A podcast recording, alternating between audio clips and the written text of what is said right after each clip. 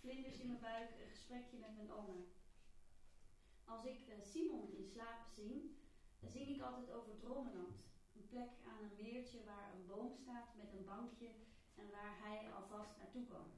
Ik hunker soms wel naar die plek. Oh, zo lief. Wat mooi, smiley hartje hartje. naar uitgeslapen wakker worden. Naar elke ochtend kunnen ontbijten met croissants en hagelslag zonder dat ik daar een grammetje van aankom. Ik droom nooit over vliegen, maar wel vaak over dat ik ineens heel makkelijk pull-ups kan doen. Daar kan ik ook naar hunkeren. Ik hunker naar zorgeloosheid. Naar gewoon kunnen beslissen dat ik graag kinderen wil zonder zorgen over morgen. Ja, dat snap ik. Kunnen genieten van een warme dag zonder aan klimaatverandering te moeten denken. Naar een soort van stilte ook. Geen geruis van autostrades en koelkasten en al dat mechanisch gedoe om ons heen. Gewoon vogels en ruisende bomen. Ik hunker naar vriendschappen, eigenlijk altijd. En dat ik de buren ken, de straat, de stad, dat we elkaar kennen en bij elkaar horen. Ja. Ja. Ja. Iedereen was het uh, Rust. Af en toe dronken avonden met vrienden op een café en dat we dan heel hard moeten lachen. En er grap na grap gemaakt kan En dat je nooit hoeft te denken aan katers of later, maar enkel gewoon een goede caféavond. En ik, ik, ik dacht uh, voor de maandagavond van december trouwens, om misschien eentje in het teken van 1984 te doen. Misschien aan, aan vragen waarom QR-codes niet het begin van de dictatuur waren. Ja, of aan Sashi, hoe dat zij de gebeurtenissen in Iran volgt, of beide. Ik hunker naar slaap. En toen een nazomer nog gelijk stond aan de afgrond, eh, nog niet gelijk stond aan de afgrond. Maar dat had iemand denk ik al gezegd. Een goed idee trouwens. Zal ik die Iraanse zangeres vragen? Ja, lijkt me heel goed. En kent een van jullie Sashi persoonlijk?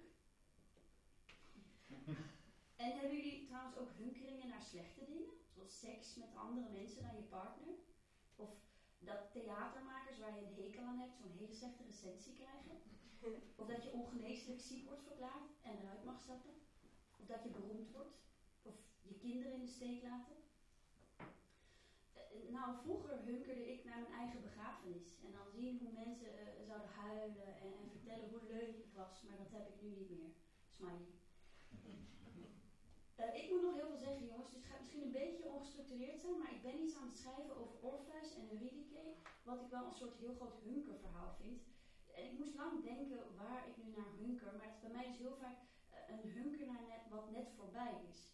En verder hunker ik ook vaak naar de zee en ijsjes en ribbelchips, maar nooit tezamen.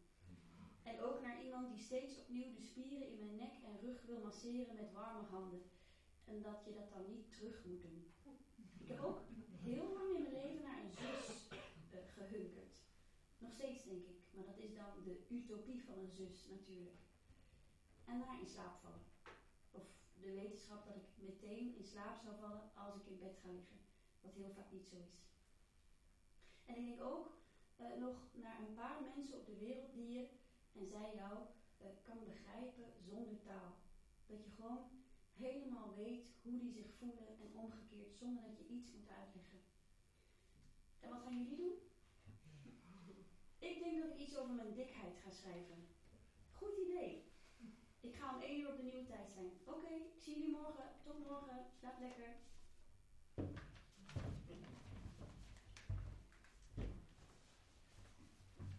Uh, goedenavond. Welkom bij de nieuwe maandagavond, uh, de tweede van dit seizoen en ook de tweede waaraan ik mag meedoen.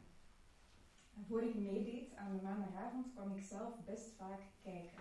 Uh, toen nog in de Sint-Paulusstraat, ik, ik kwam kijken, ik dronk achteraf een pintje of snel een paar pintjes en moest me dan op een bepaald moment meestal heel erg haasten om de laatste trein naar Leuven nog te halen, want ik woonde toen in Leuven.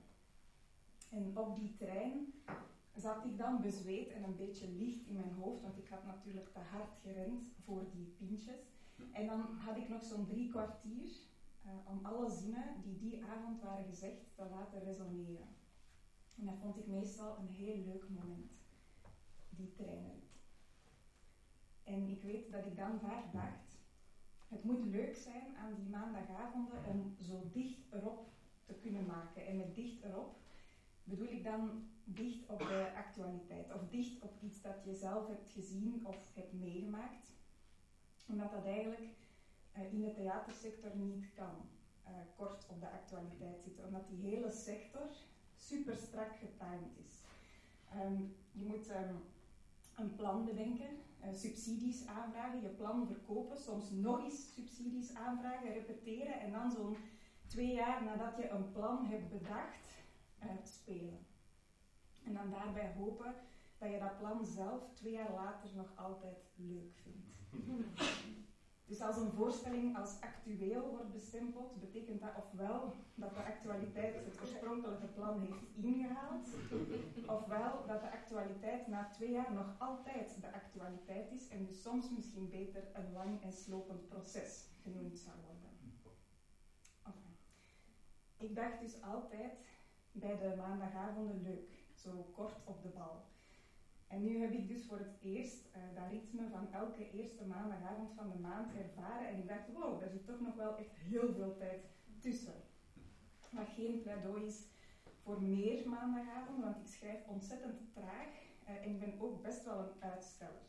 Uh, ik kan heel slecht beginnen. bij mij is kort erop, dus vaak ook echt de nacht ervoor. Of toen ik bijvoorbeeld deze zomer een speech moest schrijven voor de trouw van mijn broer, schreef ik die uiteindelijk de ochtend van de trouw zelf. Terwijl ik er in mijn hoofd al maanden mee bezig was. Dus dit ritme is helemaal prima. Maar ik kom dus in die maand ertussen dan best wel veel beelden of dingen tegen die ik ook graag zou vertellen. Maar die passen dan niet in het thema of niet in de tekst die ik dan over dat thema schrijf. En toen dacht ik, misschien moet ik daar dan toch iets mee doen. En toen bedacht ik de inleiding. Ik heb natuurlijk niet een inleiding bedacht, maar ik dacht, misschien kan ik elke keer, elke maandagavond, een soort inleiding doen. En die inleiding is dan een inventarisering van al die beelden en gebeurtenissen die ik heel graag heel kort wil delen. Omdat ze de maand tussen de maandagavonden voor mij hebben gekleurd. Dus voilà, dit is de inleiding. Een ontzettend onvolledige en uiterst subjectieve inventarisering van de al dan niet wereldgeschiedenis in de tussentijd tussen twee maandagavonden. In de tussentijd stapte niet enkel Ruud Lasters, maar stapten alle Antwerpse stadsdichters op, hunkerend naar een warmer Antwerps cultuurbeleid. In de tussentijd vroor het in het koudste Franse dorp, Lamout, uh, in de Jura, op de bodem van een vallei tussen twee bergketens, waardoor de koude lucht blijft hangen, voor het eerst in 140 jaar in de hele maand oktober niet. Normaal telt de maand oktober in Lamout 18 vriesdagen. In de tussentijd las ik een boek en terwijl ik dat boek las, won de schrijfster van het boek de Nobelprijs. Wat ik een aardig toeval vond. Vervolgens las ik nog een boek, willekeurig uitgekozen, en dat boek bleek te beginnen met een citaat uit het eerste boek, wat ik een teken van het universum vond. In de tussentijd oordeelde een Franse rechter dat er in de gemeente La Clusaz in de Alpen geen 8 hectare bos mag verdwijnen om een waterbassin aan te leggen waarmee in de winter kanonnen voor nep sneeuw gevoegd kunnen worden. Zodat het skitoerisme, dat door de klimaatverandering steeds meer onder druk komt te staan, er valt te weinig sneeuw in de Alpen, gewoon door zou kunnen gaan. En konden in de tussentijd de klimaatactivisten die in de Sparren, Essen en Berken waren gekropen, weer naar huis gaan. Side note, in datzelfde gebied in de Alpen moesten afgelopen zomer 20 dorpen per vrachtwagen van water worden voorzien omdat de watervoorraad op was. In de tussentijd zag ik een filmpje van een oude vrouw in Oekraïne, in Bila Krinitsia. en net op de Russen heroverd dorp. De vrouw loopt in het filmpje in een felrode bloemetjesjurk haar huis uit. Achter haar blaft een hond aan een ketting. Terwijl ze zich in etappes naar het bankje voor haar huis begeeft, verzucht ze dat ze nog steeds hoopt dat de oorlog snel voorbij is en dat ze haar man kan terugzien. En toen ik dat filmpje voor de eerste keer zag in de tussentijd, dacht ik even, wacht, um, het kan toch niet dat ze haar man, vermoedelijk ook een tachtiger of toch ergens in die buurt, nog naar het front hebben gestuurd. Dan gaat ze verder op het bankje dat haar man op 23 februari naar Gerson werd gebracht voor een operatie. En op 24 februari begon de oorlog en kon hij niet meer terug. Al die tijd zit hij daar te wenen en ik hier, zegt de vrouw. En dat is al wat ons nog rest. En dan biedt ze tot God dat zij en haar man elkaar nog in dit leven mogen terugzien. En daar moest ik, net zoals zij, elke keer bijna van huilen. In de tussentijd ging ik naar een ongelooflijk mooie theaterconcertvoorstelling, waar iemand zong I look at you, you look at me, our visions crashing in between, like two cars hugging somewhere on the road, where my eyes are meeting yours, this in-between thing grows. En dat is iets waar ik heel veel bij voel, maar wat ik niet zo heel goed kan uitleggen. En dat is iets wat ik heel vaak heb. Dat ik bij de dingen heel veel voel, maar ze heel slecht kan uitleggen, op de grenzen van de taal bots. En dan kom ik niet veel verder dan dat te zeggen. Ik voel er heel veel bij, maar ik kan het heel slecht uitleggen. Het is een beetje hetzelfde als zeggen, woorden schieten tekort. En dat was wat Jo schreef als eerste in het rouwregister voor Nicole. En dat geloof ik meteen. En misschien zouden we dat gewoon nog vaker tegen elkaar moeten durven zeggen. Woorden schieten tekort, ik kan dit niet zo heel goed uitleggen. Om dan toch op zoek te gaan naar die woorden in de hoop dat iemand anders dan misschien zegt, ik voel net hetzelfde. I look at you, you look at me, our visions crashing in between like two cars hugging, somewhere on the road, where my eyes are meeting yours this in-between thing grows. Hmm. Welkom bij de maandagavond over hunken.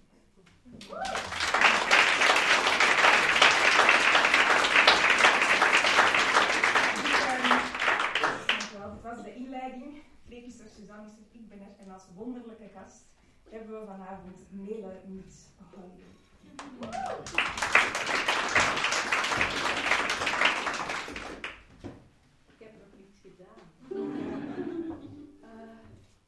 Goedenavond iedereen, ik ben Mela. Ik ben de muzikale omkadering. Dankjewel om mij uit te nodigen. Uh, ik ga wat liedjes voor jullie spelen. Ik hoop dat jullie die mooi vinden. En anders kunt je ook doen alsof. Dit liedje gaat over de problemen van de langdurig monogame relatie. Het is herkenbaar. Thema hunkeren.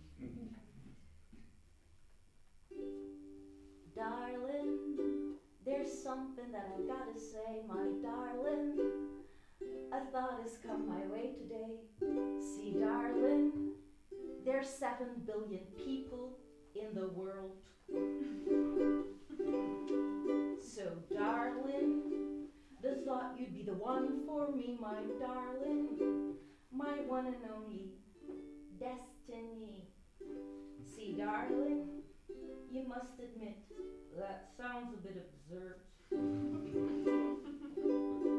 there could be someone waiting for me in Japan or in Germany. The thought I would be yours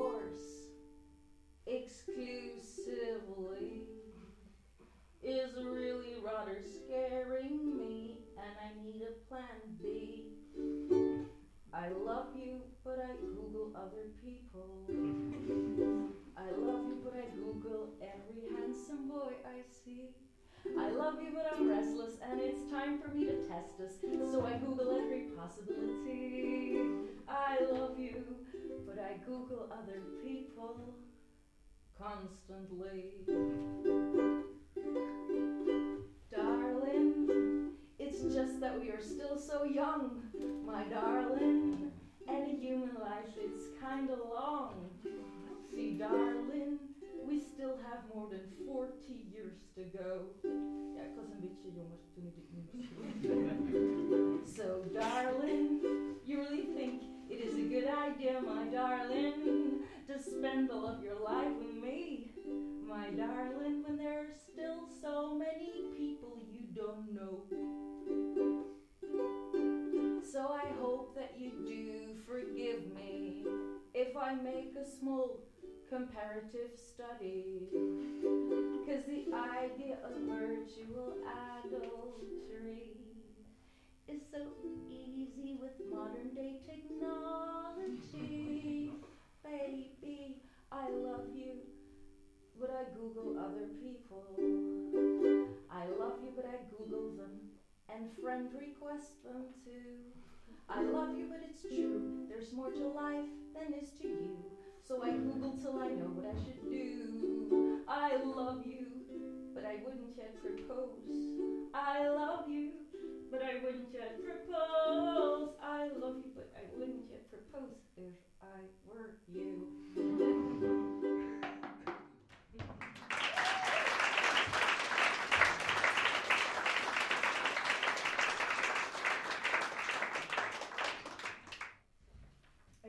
In de klassieke mythologie dat gaat als volgt.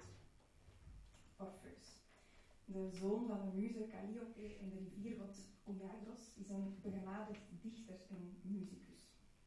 Zo begenadigd dat hij met zijn dicht- en zangtalent en spel op lier en citer zelfs dieren en de natuur weet te beroeren en de meest verharde gemoederen tot mildheid kan stemmen. Orpheus roept Hymenaeus, de huwelijksgod, naar zijn woonplaats in het Rhodope-gebergte in Thracië, waar hij wil trouwen met zijn bruid, de nymf Eurydice. Alle voorspoedtekens wijzen echter op een slechte afloop. En de ramp voltrekt zich wanneer de jonge bruid gebeten wordt door een slang in haar hiel en sterft, alvorens het huwelijk kon worden voltrokken. Orpheus is ontroostbaar na de vroege dood van zijn jonge geliefde en besluit een poging te ondernemen om Eurydice uit het dodenrijk terug te halen. Hij daalt af in de onderwereld tot bij Hades en Persephone, de gebieders van het rijk der en vraagt hen de te vroege dood van Eurydice te herroepen. Tijdens zijn zang- en snarenspel komt alles in de onderwereld tot stilstand. Tantalus stopt naar wijkend water te grijpen, de Danaïden laten hun kruiken rusten. Sisyphus gaat op zijn rotsblok zitten en geen gier die trek in lever had. En tot tranen toe ontroerd stemmen Hades en Persephone in. Eurydice mag mee naar boven. Op één voorwaarde. Orpheus mag pas naar haar omkijken als ze allebei terug in het land der levenden zijn. Anders wordt de gunst teniet gedaan. Met de zwijgende schim van Eurydice achter hem baant Orpheus zich opnieuw een weg door de onderwereld tot hij niet zo ver meer van de rand dicht bij de aarde alsnog naar Eurydice omkijkt over zijn schouder, die onmiddellijk terug de diepte ingrijpt. Ik zit op de trein van Brussel naar Leuven op een zaterdagavond halfweg oktober. Samen met een bevriende theatermaker en naast ons een moeder met een jonge dochter die enthousiast een grote roze ballon door de vierzit kaatst.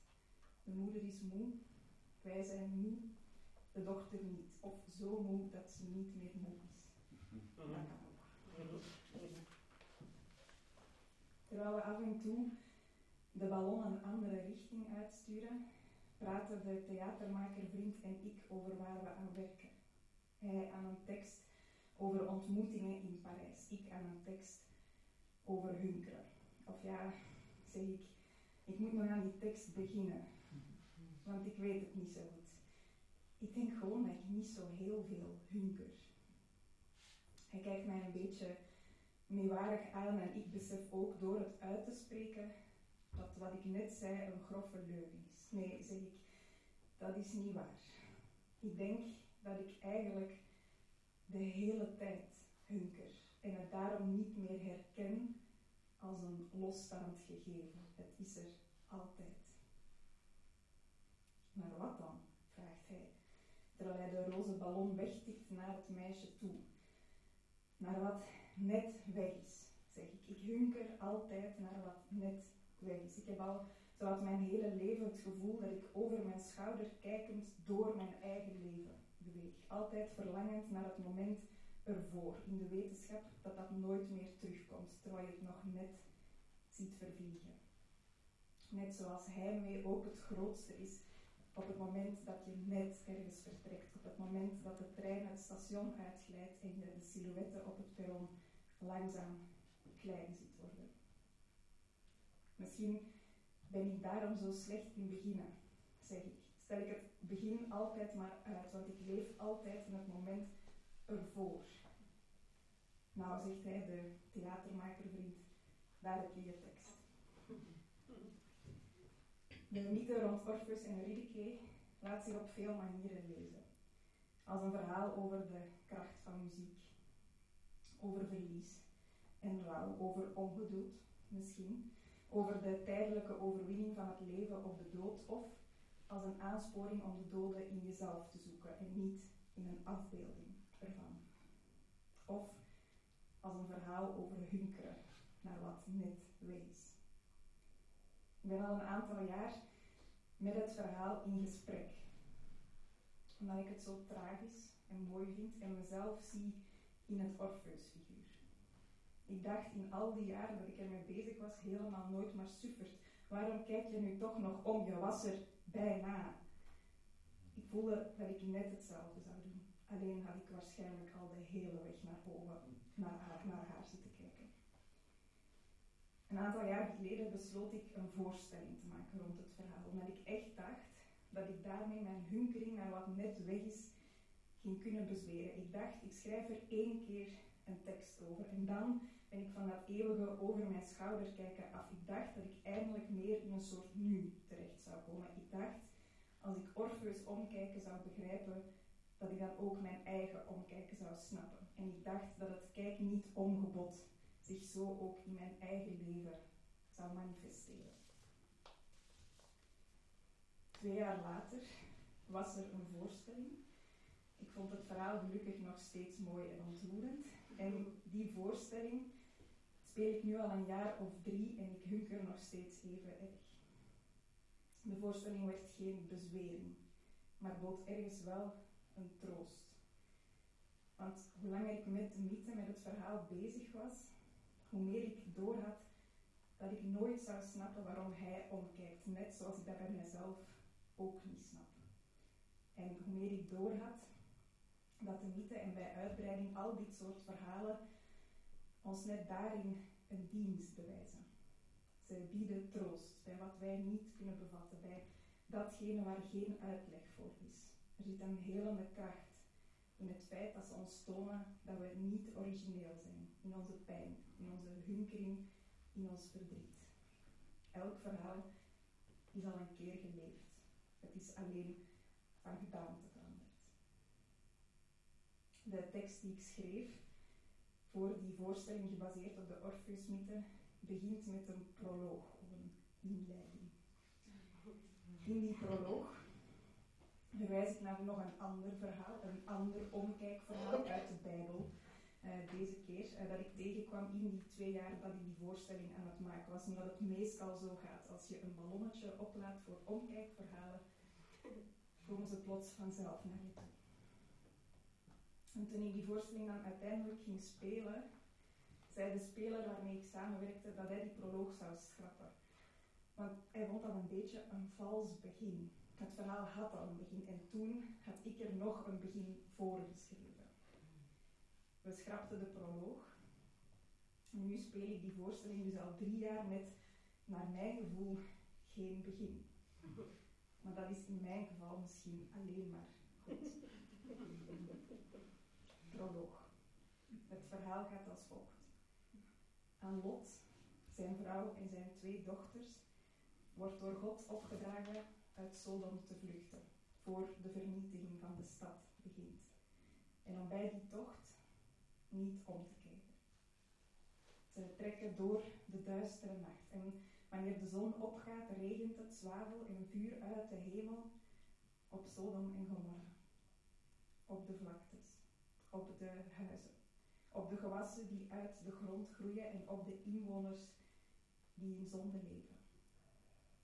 De vrouw van Lot, die achterop loopt, kijkt toch om. Naar daar waar tot dan huizen stonden, naar daar waar tot dan mensen leefden en verandert in een zoutpilaar. En net omdat ze omkijkt, hou ik van haar.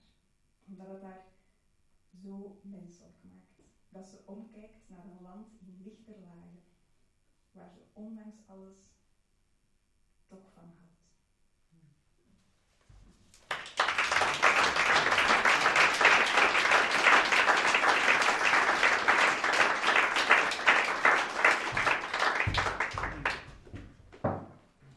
Goedenavond, dames en heren. Wat ontzettend fijn dat jullie allemaal gekomen zijn.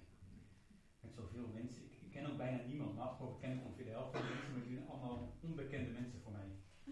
En, en waarschijnlijk ben ik ook onbekend voor u, jullie. Maar daar wil ik nu uh, verandering in brengen. Ik ging zelf laatst ook een keer naar het theater toe. En toen dacht ik, ah, de spelers realiseren zich niet hoeveel moeite het kost om dan door de regen naar zo'n plek te gaan. En je eigenlijk gewoon thuis wil zitten en net zo kijken en dan hopen dat het niet te lang gaat duren en zo. Maar nu realiseer ik me dat dus wel. Dat jullie eigenlijk ook gewoon prima vinden, maar. Dit is ook de laatste tekst voor de pauze. Na de pauze is alleen nog Suus en nog, uh, en nog uh, Nele, de hoofdgerecht. En uh, um, Misschien is het uh, tijd dat ik eens wat over mijn dik zijn probeer te schrijven. Zei ik twee weken terug tegen Suzanne Grotehuis. Jou, jouw dik zijn, vroeg ze. Grappig, ik zie jou helemaal niet als dik. Ik heb daar best een tijdje over moeten nadenken dat zij me niet als dik ziet. Toen we op de toneelschool zaten, ben ik regelmatig en zeer intens, zeer verliefd geweest op haar. En ondanks dat we het altijd best wel leuk hadden samen, was ze dat nooit op mij. En ik dacht altijd dat dat kwam omdat ik dus dik was. En daar hadden we ook wel begrip voor ergens. Hè. Maar nu ze zegt dat ze mij nooit als dik heeft gezien, kan ik niet anders concluderen dat het waarschijnlijk toch aan iets anders lag. Iets onbenoembaars waarschijnlijk, iets onbespreekbaars, mijn armetierig karakter waarschijnlijk, toch mijn armetierig karakter. Ik ben dikker geweest dan ik nu ben, dunner geweest dan ik nu ben, maar los van het nummer op mijn weegschaal. En ondanks dus dat Suus mij niet zo ziet, merk ik dat ik mezelf wel altijd zo zou omschrijven. Niet per se naar buiten overigens. Het is niet zo dat ik een sollicitatiegesprek heb. dat ik mezelf moet beschrijven in vijf woorden, dat dan een van de eerste vijf woorden is. Ja, dik. Ja, ja, kan je al zeggen. Ja, dik. En uh, ja, ja, voor de rest gekwalificeerd. Uh, maar dat ik, ik bedoel dat als ik mezelf dus nooit meer zou kunnen zien of aanraden, of, of, geen spiegel meer zou hebben, dan zou ik met dat dikke basisbeeld van mezelf verder leven. En grappig is nu dat ik de 40 begin te naderen. En links en rechts mannen zijn, vooral vaders, die plots beginnen rond te lopen met ook zo'n soort paruikje. Hè? Een dadbot wordt dat dan liefkozend genoemd. Een vaders lichaam. Maar zelfs al beginnen ze qua uiterlijk op mij te lijken, ze zijn toch radicaal anders dan mij. Door dat basis zelfbeeld.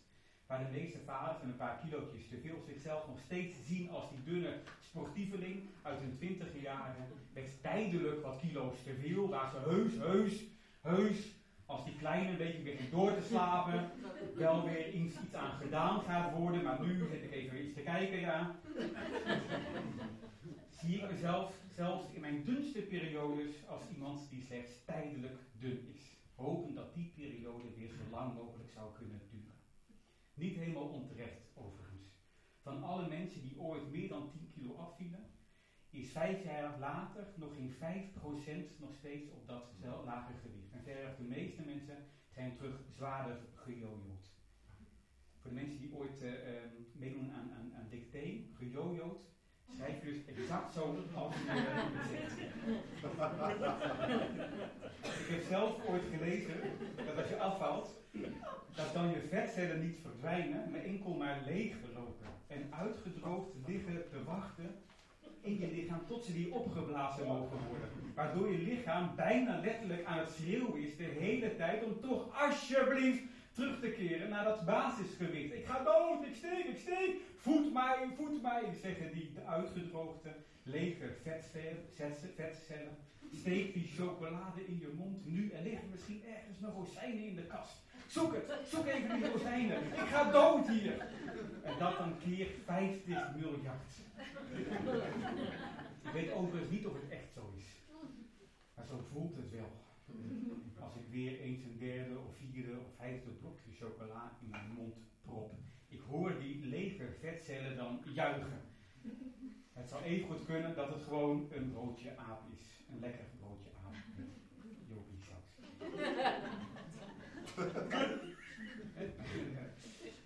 Dat laat ik even passeren, die zin. En dat het feit dat ik steeds dat derde, vierde, zou eens kunnen het broodje aap is. En dat het feit dat ik steeds dat derde, vierde, vijfde blokje chocola in mijn mond steek ook gewoon ligt aan mijn avonturig karakter. Ik was niet een heel dik kind overigens. Een beetje chubby, dat wel. Ik werd dat pas toen ik vlak voor mijn puberteit op mijn tiende of elfde verhuisde naar een ander dorp eh, met een andere basisschool. Om de een of andere reden, waarschijnlijk omdat ik heel veel van chips en chocola en snoep hield, kwam ik toen in een jaar tijd meer dan 12 kilo aan. En die groeicurve van 12 kilo per jaar aankomen volgde ik toen een jaartje of 3, 4, 5, tot ik op mijn zestiende voor het eerst serieus afviel tot een redelijk normaal gewicht. Ik stal, uh, van stelen, ik stal als 10, 11-jarige voortdurend uit de altijd overvolle snoeppot die in onze gangkast stond. Had daar allerlei tactieken voor, waardoor ik dacht dat het minder opviel. Ik voelde mezelf een beetje een snoepninja. Een meester die iedereen om de tuin kon leiden.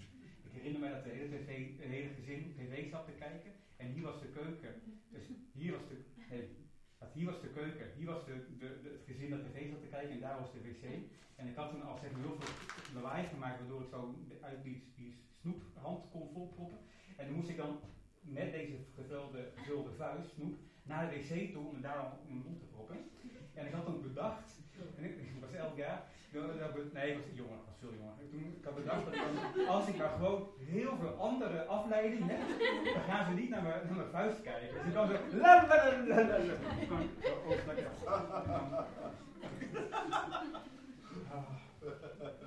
Mijn moeder nam me mee naar een diëtist toen ik in het zesde leerjaar zat.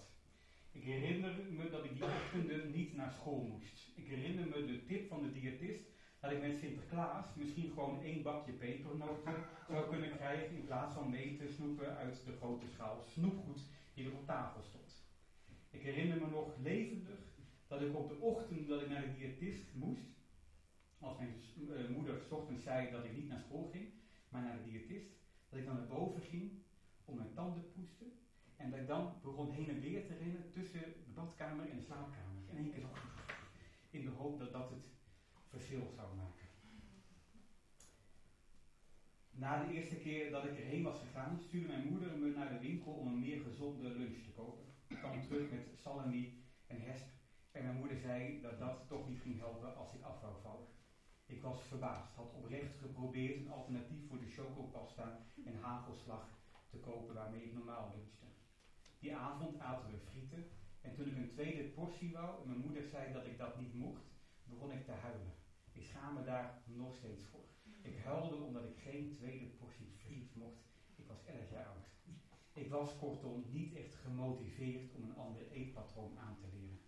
En hoe meer ik hierop terugkijk, hoe gekker ik het vind dat die verantwoordelijkheid om een ander eetpatroon te vinden bij mij was komen te liggen. Ik was elf. Waarom was ze niet meegegaan naar de winkel om lunch te halen? Of had ze gewoon verteld wat ik moest kopen daar? Als ze werkelijk, als ze werkelijk vonden dat ik om mijn elfde geen 12 kilo aan mocht komen, hadden ze toch gemakkelijk andere wekelijkse boodschappen kunnen doen, ons eetpatroon kunnen veranderen. Even met z'n allen geen friet meer eten, in plaats van met mij te moeten onderhandelen of ik een tweede portie op zou scheppen.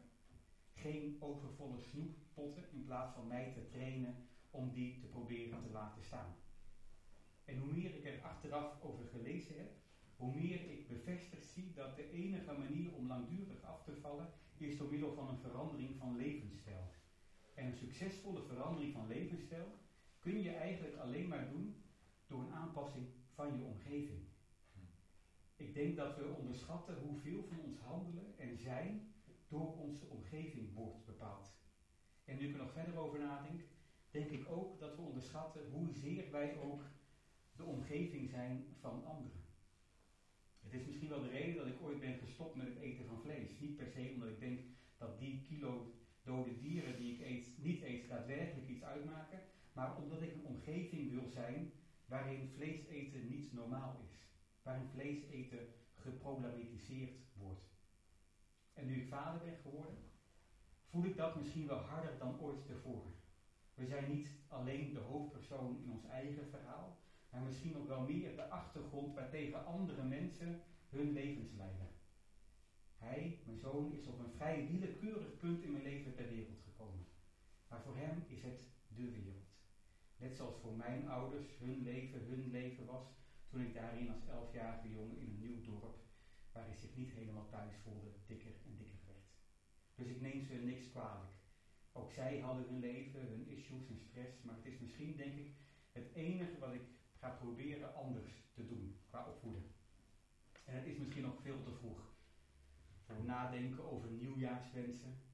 Maar ik heb sterk het vermoeden dat het voor het eerst in bijna 20 jaar mijn aankomende nieuwjaarswensen niet zullen gaan over een kilo minder of een uur sporten meer, maar over het zijn van een zo goed mogelijke, zo veilig mogelijke, zo fijne mogelijke, zo'n uitdagelijk, uitdagend mogelijke omgeving. Niet alleen voor mijn zoon, niet alleen voor mijn vrouw, voor mijn vrienden, maar ook voor mezelf. Het is misschien tijd om iets te doen aan het aloude zelfbeeld en dat armetierig karakter.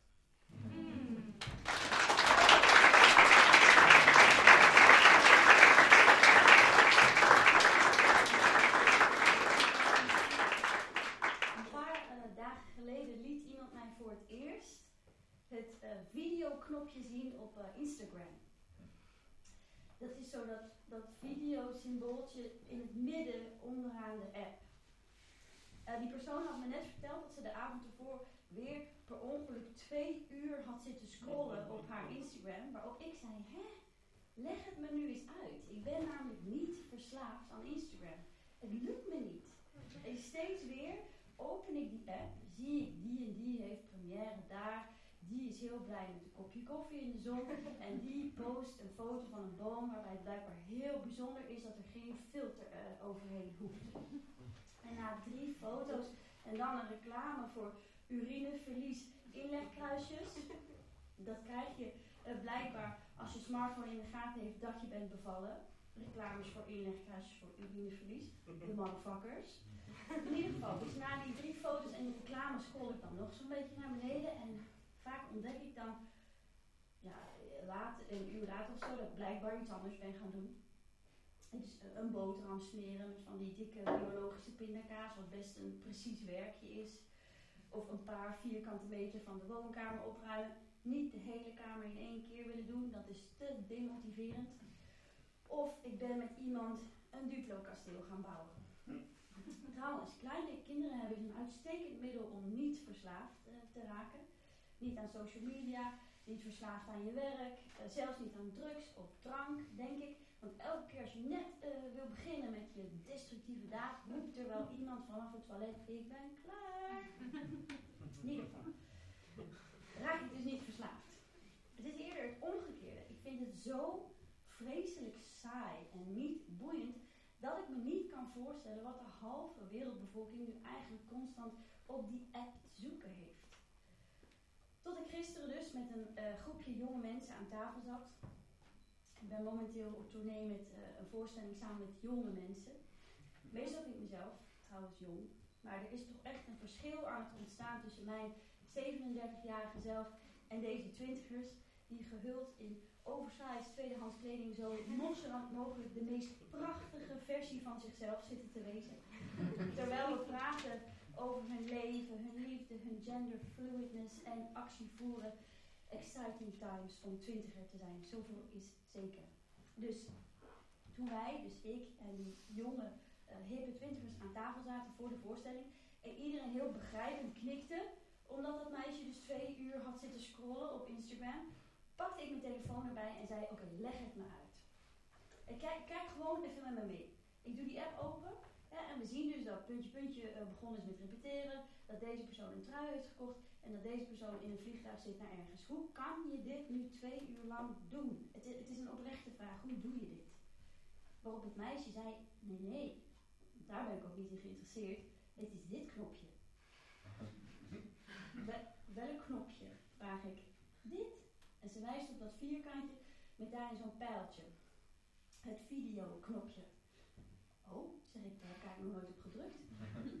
ik dacht dat het videosymbooltje een knopje was om jezelf uh, live te filmen of zo, wat ik tot nu toe en tot in de eeuwigheid niet wil. Dus drukte ik er nooit op. De hele tafel valt stil. Wajo, zegt iemand. Heb je daar nog nooit op gedrukt? Shit, ouwe. Niet doen. Nee, nee, nee, nee. Dan gaan we nu niks meer zeggen. Niet doen, hou het zo. Want dat is het verslavende knopje. Hé, zeg ik? Dit knopje? Ja, ja. Dat zijn de reels. reels. Wat zijn reels? Fuck it, ik gooi nu gewoon al mijn onwetendheid op tafel. Reels van reality, TV. Nee, nee, gewoon reels van filmpjes, zoals TikTok. TikTok, nog iets wat ik dus nog nooit echt van dichtbij had gezien. Ik weet wel dat mijn nichtje van tien er enthousiast over is, maar ik had eigenlijk nog nooit opgezocht. Dit is het dus. Alsof ik voor een magisch poortje sta, alsof ik voor de eerste keer een trekje van een joint ga nemen, of een druppeltje LSD, druk ik op het knopje. De hele tafel kijkt met me mee. En de reels gaan open. Ik zie een filmpje van een meisje die per ongeluk haar wenkbrauwen scheert. Daarna een filmpje van iemand die een taart in zijn gezicht krijgt. En daarna een van iemand die een salto maakt achterwaarts in een meer. En dan iemand die een schilderijtje maakt van allemaal fluo verfkloddertjes. Oh, schattig, zegt die persoon naast me. Je hebt nog helemaal geen algoritme. Check dit, je ziet gewoon alles. Omdat ik het dus nog nooit opengedaan, heb ik blijkbaar alle interesses van de hele mensheid door elkaar. Wat uniek is, want zodra de app doorheeft bij welke filmpjes ik blijf hangen, zal er een uitgekiende selectie gemaakt worden van filmpjes waar naar ik niet zal kunnen stoppen met kijken. En voor je het weet ben je verslaafd, zegt ze. Ik ben verbijsterd. Maar zeg ik, dit zijn gewoon filmpjes. Gewoon filmpjes van, van random dingen. Van mensen die je niet kent, zonder einde. Er, er is geen einde. Hè? Het valt stil aan tafel. Ja, dit is Instagram, zegt dan iemand. Dit is het. Ik weet niet wat ik moet zeggen. Ik dacht tot en met dit moment dat Instagram een saaie app was, waar mensen niet zo boeiende dingen met elkaar deden. Maar nu blijkt dat mijn idee van Instagram eigenlijk een best hoogstaande inhoudelijke versie was. Want het echte Instagram, hetgeen waar mensen aan verslaafd zijn, is niks. Het is niks. Het zijn filmpjes van mensen die die dingen frituren. zich opmaken. Random lelijke shit bouwen met plastic dingen. Het is een soort YouTube-diarree waar nooit, maar dan ook nooit een einde aan komt. En die avond kan ik niet slapen. Niet omdat ik door die filmpjes scroll, maar omdat ik me een alien voel. Die zojuist een kijkje heeft mogen nemen op een bizarre planeet waar alles anders is. Alsof ik een cultuurshock heb. En niet begrijp wat iedereen om me heen aan het doen is. Ik besluit op te staan en het te googlen. Ik begin met Instagram Real uh, Addiction en lees in een essay in de New York Times dat gemiddeld, de gemiddelde mens 262 keer per dag zijn telefoon checkt. En vooral die reels. En dat jongeren 1 tot 3 uur per dag op Instagram zitten. dat deze apps ontworpen worden om je er zo verslaafd mogelijk aan te maken, zodat ze maximale winst halen uit de opbrengst van de reclames. En ik lees dat ze bij Instagram een Instagram for Kids aan het ontwikkelen zijn. En dit is natuurlijk allemaal niet nieuw. Al heel lang waarschuwen we elkaar voor de kracht van social media. En toen twee jaar geleden die Netflix-docu The Social Dilemma uitkwam, had iedereen het erover. Maar wat ik oprecht tot en met gisteren niet wist, is dat het verslavende van de app niet is dat je je leven vergelijkt met het sprankelende leven van influencers. Dat het verslavende niet is dat je je vrienden probeert te maken op een sociaal platform omdat je het in de echte wereld niet kunt. Nee, het verslavende is blijkbaar die diarree van compleet debiele, betekenisloze filmpjes waar we als een zombie bij blijven hangen. En waarom? Ik bedoel, heroïne is schijnbaar lekker. Net als chocola, wijn of seks. Maar een stroom van filmpjes waar we helemaal niks bij voelen of niks aan hebben. Bedoel, ze zijn niet per se mooi of grappig of boeiend. Het zijn gewoon filmpjes van mensen die iets doen. Punt. Willen we dan echt zo graag ons hoofd uitzetten? Willen we zo graag buiten bewustzijn raken? Er niet zijn? Ons verdoven? En is dit de manier waarop? Wordt het misschien niet tijd om het te benoemen zoals het is? Bullshit? Sorry, maar het is bullshit en dat maakt me soms zo wanhopig. Ik vind het bullshit dat het zo gezegd leuke platforms zijn waar we elkaar vinden. En dat je je favoriete kunstenaar kunt volgen. Of een ecologisch cosmetica bedrijf en daardoor andere leuke op maat gemaakte reclame te zien krijgt, waardoor je een fantastische deel hebt ontdekt. Ik vind gratis je data afstaan en zombieloos scrollen door een apparaat um, inruilen, eh, dus dat wat ik zei, inruilen voor een prettige deodorant ontdekken, echt een bullshit deal. Ik vind het bullshit dat we kinderen vanaf een jaar of tien hier aan blootstellen.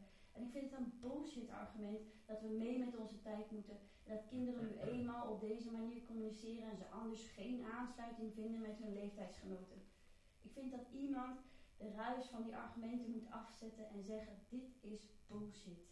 Iemand van tien verdient godverdomme beter dan een app die waardeloos is. Geen enkele waarde toe te voegen heeft en ontworpen is om zo verslavend mogelijk te zijn. Bullshit. Steeds vaker vraag ik me af of de grote CEO's van deze wereld, die van Amazon, die van zogezegde landbouwbedrijven in Brazilië, die van wegwerpkledingmerken, oliebedrijven en die van social media, of die eigenlijk een geweten hebben. Ik vraag me het echt af. Of niet per ongeluk gewetenloos zijn een competentie geworden is waarmee je het heel ver schopt. Want ik begrijp namelijk werkelijk niet hoe je met een geweten de mensen om je heen, je eigen kinderen, toekomstige kleinkinderen, ergens verslaafd aan wilt maken. En aan het einde van een werkdag, waarop je 25.000 dollar verdient, je jezelf dan in de spiegel kunt aankijken en kunt denken, goed bezig. En nu lekker slapen. Ik heb echt geen idee hoe. Maar ook wij zelf. Altijd maar ook wij zelf. Ik snap niet waarom we ons laten brainwashen door deze bedrijven en vrijwillig s'nachts uren scrollen. Waarom we verdwijnen op onze kamer in de leegte die Instagram heet. En waarom we zo massaal verslaafd zijn en dingen doen die klaarblijkelijk niet zo goed voor ons zijn. Ik moet denken aan uh, het oude gesprekje wat ik onlangs had met juf Lene. Dit is even een bruggetje wat jullie met me mee moeten maken. Juf Lene, uh, uh, de juf van mijn dochter. Het was niet een heel opzienbarend oude gesprekje. Want mijn dochter is drie en zoveel valt er nu over niet te vertellen over de kleuterklas. Waar het neerkwam is dat ze in niveau oranje zit van de puzzeltrein en veel, uh, veel praat tijdens kringgesprekken. En tijdens de middag uh, flink haar boterhammen eet. Dat laatste was een antwoord op mijn vraag. Ik zei namelijk, nadat we de puzzeltrein en de kringgesprekjes besproken hadden en de juf aan het afronden was, zei ik, oh, oh trouwens, uh, eet ze eigenlijk haar boterhammen op? Want die boterhammen die is altijd leeg als ze thuis komt. Maar hier thuis eet ze nooit iets wat ik voor haar maak. Nooit. En geen choco, geen hotdog, geen gepocheerd ijsje met caviar. Ze lust alleen maar snoep en chips. Dus ik was benieuwd hoe het komt dat die brooddoos eigenlijk altijd magischerwijze leeg is als ze thuis komt. Ja, die eet ze op, zei de juf. Wij gooien niks weg. En soms wordt er geruild, dat wel. Een cracker tegen een kaasblokje. Dat soort dingen, maar ze eet het op. Vreemd, dacht ik. Dat is dan toch echt een klassiek voorbeeld van groepsdruk. Het goede voorbeeld. Zet een groep driejarigen aan tafel en opeens eten ze alles wat je ze voorschotelt. Komkommers, stukjes wortel. Je kan het zo gek niet bedenken. En dat is niet omdat ze ertoe gedwongen worden, maar gewoon omdat iedereen het doet. En je er dus geen vragen bij stelt. Je doet het gewoon. En dat is meteen ook onze meest krachtige en unieke eigenschap als mens. We doen dingen en leren dingen vanuit een sociale motivatie. We doen graag dingen waardoor we onderdeel zijn van een groep. Of bijdragen aan een groep, omdat het goed voelt. Je zou een kleuterklas heel makkelijk samen veggie knakworsten kunnen laten eten in plaats van echte. Of samen laten beslissen om niet meer naar de Primark te gaan of naar Ibiza te vliegen. Sowieso dingen die voor een kleuter niet zo interessant zijn. Ik bedoel, ze zouden zonder nadenken gewoon doen wat goed voelt voor de groep. En hoe komt het dan dat zodra we ouder worden, we dat niet meer doen? We opeens enkel nog aangesproken willen worden als individu en we ons willen afzonderen en verdoven, alleen op onze kamer, verstrikt in een algoritme waar je niet meer uitkomt. En ons de hele tijd afvragen, wie ben ik? Waar heb ik recht op? Wat mag ik tegenwoordig nog zeggen? Wat is goed voor mij? En waar ligt mijn grens? Alsof er genoeg ruimte op deze wereld is voor iedereen om een grens te trekken. Alsof het niet één grote warboel van getekende grenzen zou worden zonder ergens nog een stukje grond om op te staan. Misschien moeten we gewoon allemaal even terug naar de kleuterschool. Naar juf Leni. Samen onze jas ophangen. Samen in een kring zitten en vertellen over het weekend. Je vinger opsteken en wachten op je beurt. Samen boterham opeten. Samen een boek lezen. Voelen dat je een groepje bent. En zodra de juf begint met de troep op te ruimen, terwijl ze waarschijnlijk zoiets roept als hop, hop, hop, we ruimen alles op. Dat iedereen dan begint mee te doen. Zonder na te denken begint iedereen troep op te ruimen. Net zolang tot alles weer netjes is. De plas, de stad, het land, onze planeet, onze oceanen, onze stranden, onze bossen, ons hoofd, ons hart. Tot langzamerhand de videoknop op Instagram niet meer nodig is. Omdat we geen behoefte meer hebben aan verdoving. Geen oogkleppen nodig hebben voor de bende die we ervan gemaakt hebben maar gewoon zin hebben om samen in het gras te zitten. Hmm.